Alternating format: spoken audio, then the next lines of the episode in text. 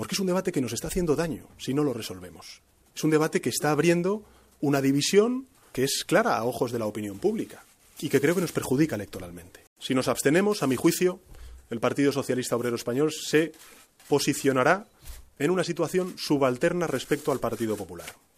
Y yo no quiero eso para el Partido Socialista Obrero Español. No quiero eso para la izquierda de mi país. Por eso defiendo el que el Partido Socialista tiene que intentar liderar una alternativa de gobierno de cambio.